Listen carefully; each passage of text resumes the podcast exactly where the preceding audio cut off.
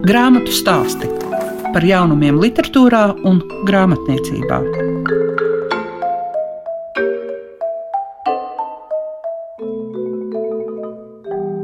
Klāt ir grāmatu stāstu laiks kopā ar jums, kā parasti liega piešiņa.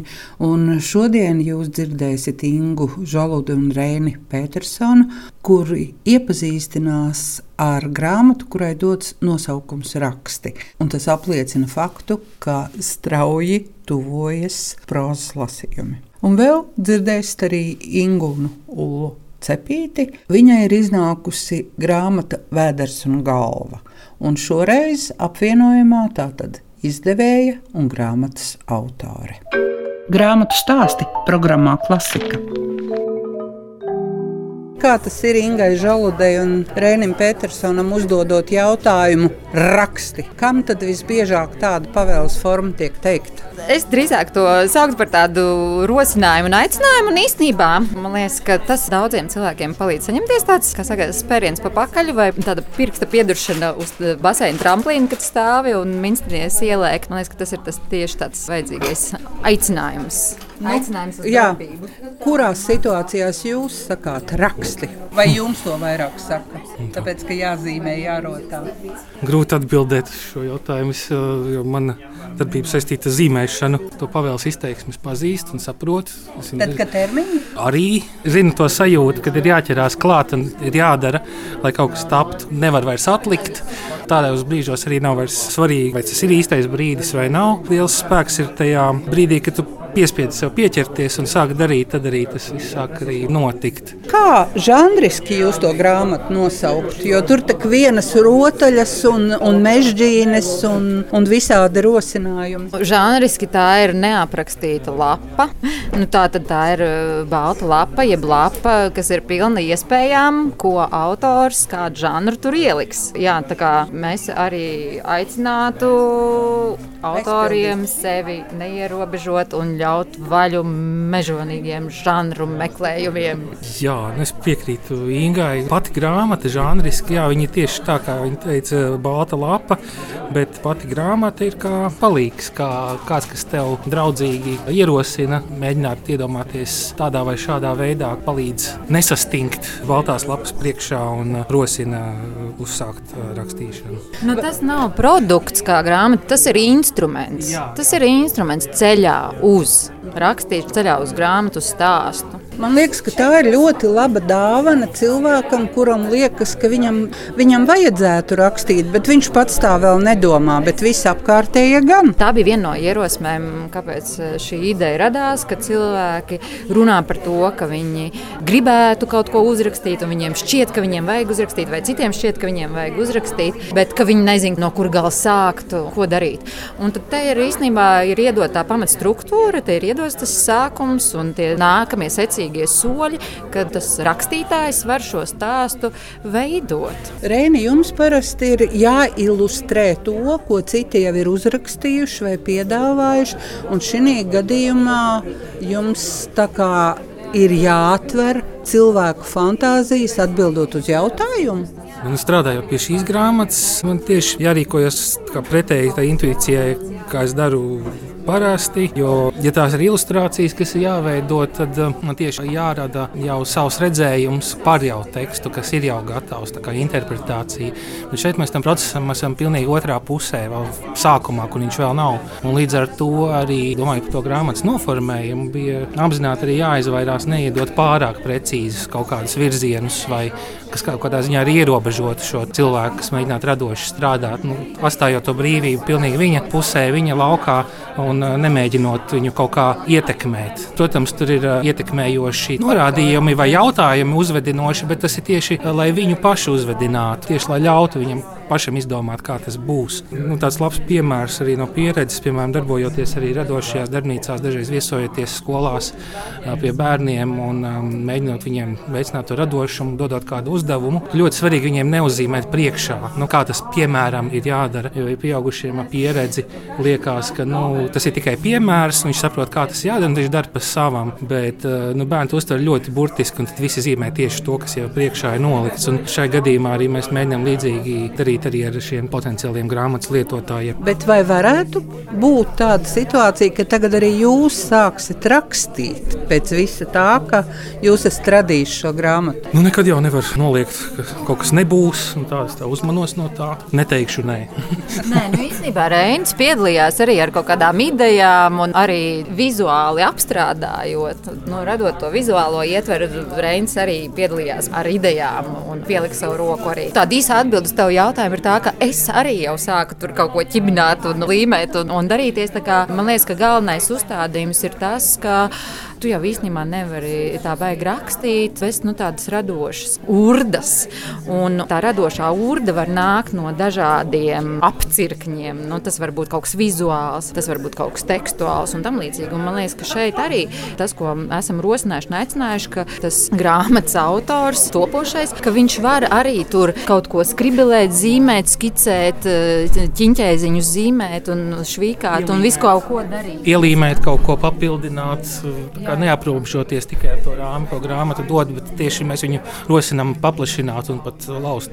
Tas, tas ir tas, iedod to kaut kādu fantāzijas radošo lidojumu, ka tu beidzot vari darīt kaut ko, ko ikdienā neviens no tevis neprasa. Un tas tev savukārt atkal iedod tādu brīvības sajūtu, tādu spēles elementu, tas, ko man liekas, ka mēs visi pieaugušie, un mēs, man liekas, vispār kļūstam mūsdienu sabiedrībā pieaugušie jau, es nezinu, 11 gados, ka no mums prasa milzīga atbildība un nopietnība un, un tam līdzīgi, ka arī vēlāk vēlāk. Nu, mēs savā pieaugušo cilvēku dzīvē esam pārāk nopietni mēs kaut kā nonivelējam to daudzīšanos, spēles elementu un jā, visādas tādas izpausmes radošās, kas nu, vispār, lai kaut ko radītu, kaut vai izstāstītu stāstu, tas ir šausmīgi vajadzīgs. Nu, tāda atvērtība, brīvība, nu, tāds nevainīgs tāds prāts. Vai tā grāmata apzināti iznāca tieši neilgu laika sprīdi pirms prozas lasījumiem? Nē, tas nebija tā plānots, bet ekspresa konferences par rakstīšanu gan mēs tā ieplānojām, jo, lai cilvēkiem ir laiks noklausoties šo ekspresu konferenci par rakstīšanu, vēl divas nedēļas, ko šīs jaunapgūtās zināšanas likt lietā, jau radot tekstu prozas lasījumiem, un tad mēs ar Reini iesim un būsim tāda mazā žūrija savā starpā un skatīsimies, ko tad klausīsimies, ko prozas lasījumos autori mums cels priekšā. Reini, jūs smaidāt, jums ir komentārs? Mēs gribētu ticēt, ka tas tiešām var notikt tik strauji, bet nu, te jau redzēs. Vēl labāk lieta tajā visā ir, ka tu jau vari to stāstu radīt neierobežot daudzumu. Tu vari izstāstīt vienu stāstu, vari paņemt nākamo grāmatu, izstāstīt nākamo stāstu un tā tālāk. Jā, bet tu teiksim, esi no rakstnieku laboratorijas, tagad nonākusi pie šīs grāmatas ar nosaukumu raksti. Pirmkārt, man liekas, ka mēs dzīvojam šobrīd situācijā, kad daudzi grib iemācīties rakstīt, ka tā ir jau tāda kustība, tu to vienkārši dari jau ilgāku laiku. Bet kā mēs to varētu sasaistīt vai savilkt tur kaut kādas līdzības, vai nevar savilkt līdzības ar to, ka mēs arī ļoti šobrīd daudz un skaļi runājam, ka vajag lasīt. Un šī lasīšana, rakstīšana, mēs varam salikt rindiņā. Šī lasīt prasme un rakstīt prasme, protams, ir cieši, cieši saistītas. Mēs te varam piesaukt visas šīs labi zināmās folklorizējošās anekdotes, bet man šķiet arī brīnišķīgs šis citāts, ko Dārts Parāna Freima netīšām pateica par to, ka jāmāc rakstīt ir eh, jebkurš pieaugušais no brīža, kad viņš sāk kopā likt eh, pirmās zilves.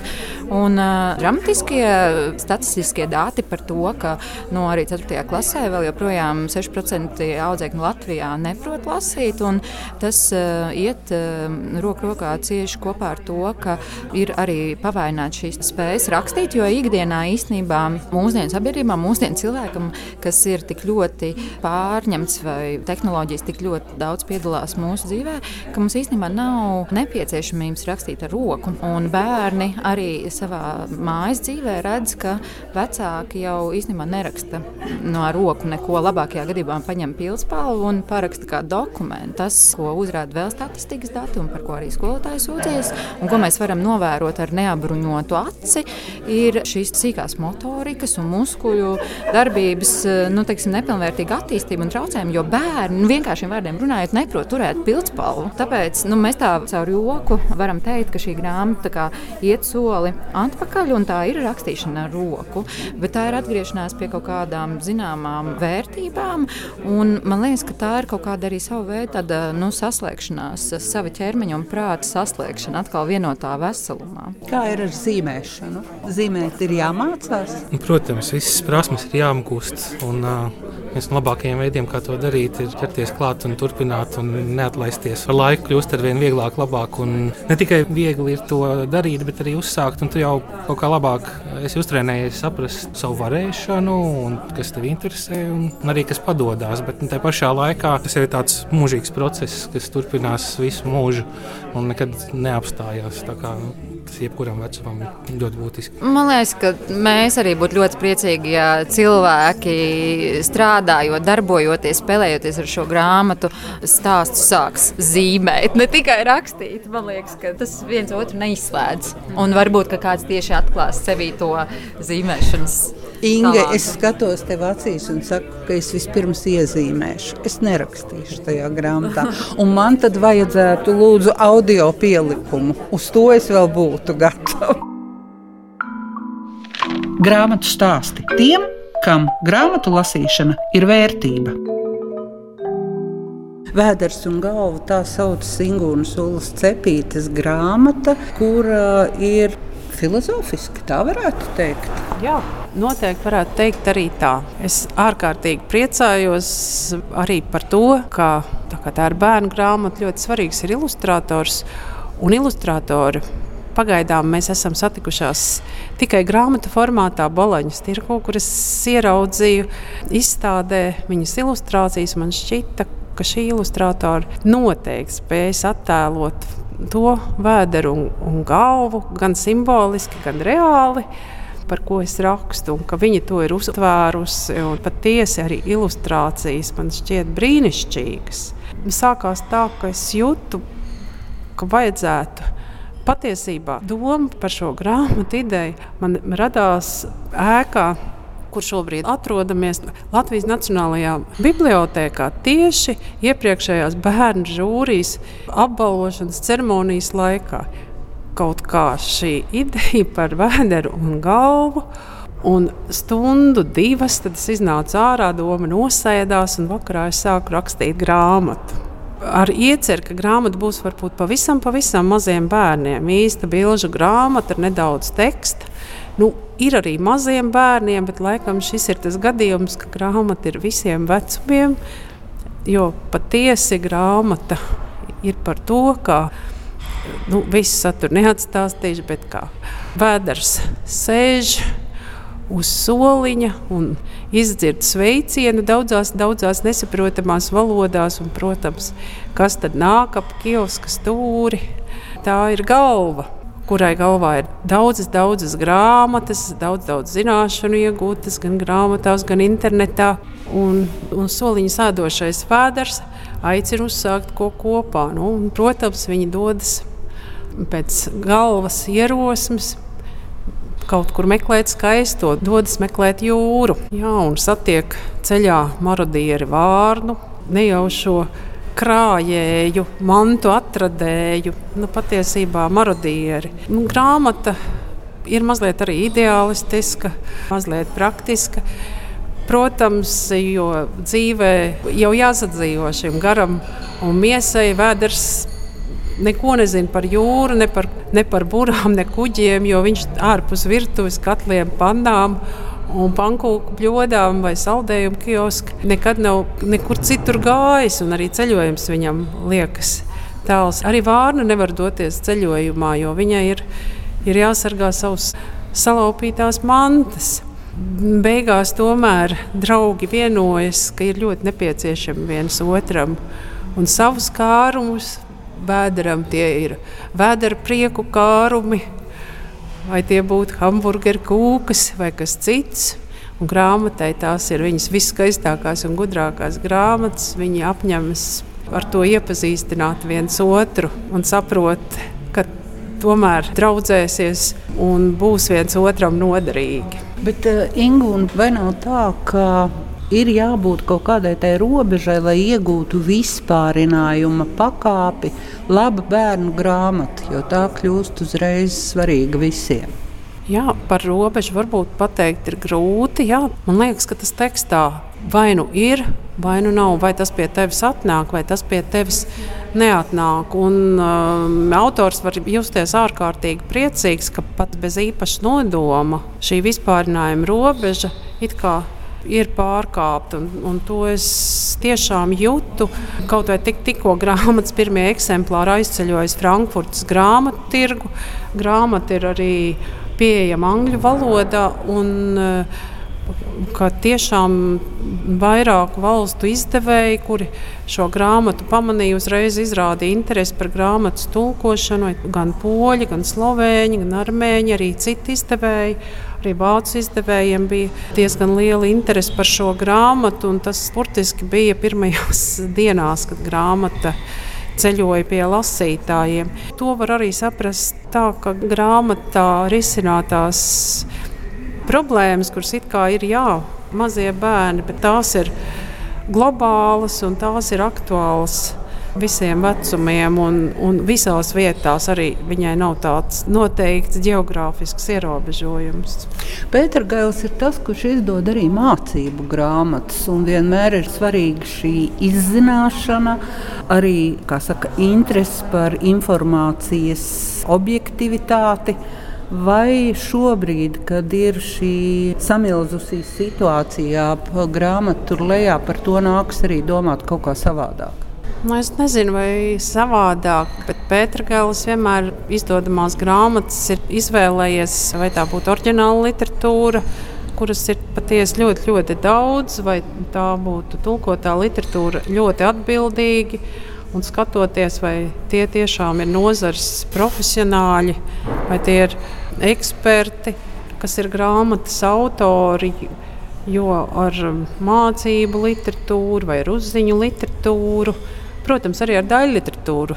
Tikpat nopietni ir jāpieiet daļai literatūrai, bet šeit ir atkal pavisam citi nosacījumi. Es priecājos, ka tas ir vienmēr izdevies, bet, nu, ja sabiedrība vai atsevišķi politiķi vai sabiedrības locekļi, kas uzkurina vai ļaujas uzkurināties pat īsti nesaprotot.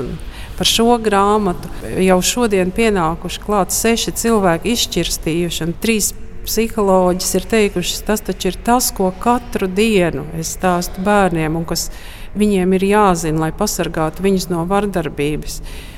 Nu, skumīgi, skumīgi, ka ja tiek izmantot šādi. Bērnu literatūra tā īstenībā nav bērnu, tā ir ģimenes vecāku literatūra, kur viņi var iepazīties ar to, ko mācīt saviem bērniem. Tiek izmantot politiskos nolūkos, bet nu, politikā jau var izmantot pilnīgi visu.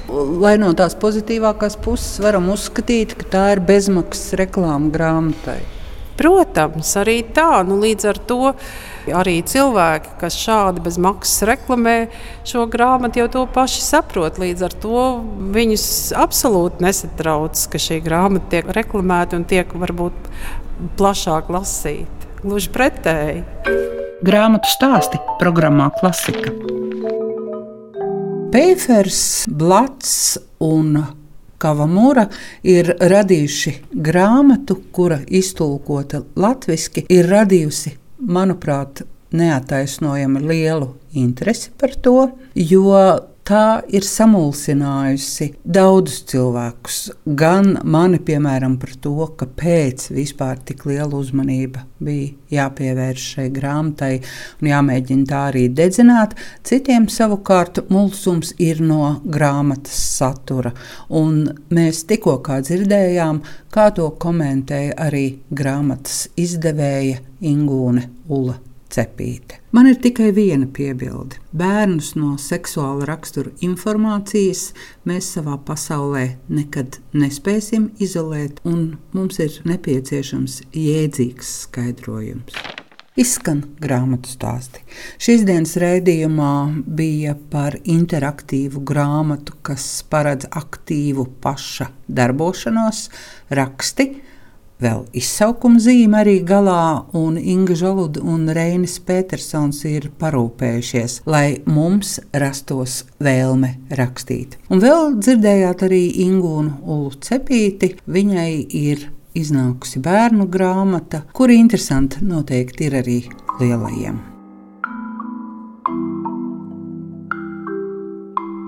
Grāmatu stāsti par jaunumiem literatūrā un grāmatniecībā ik trešdienu, 9.5. ar atkārtojumu Svētdien, 18.15.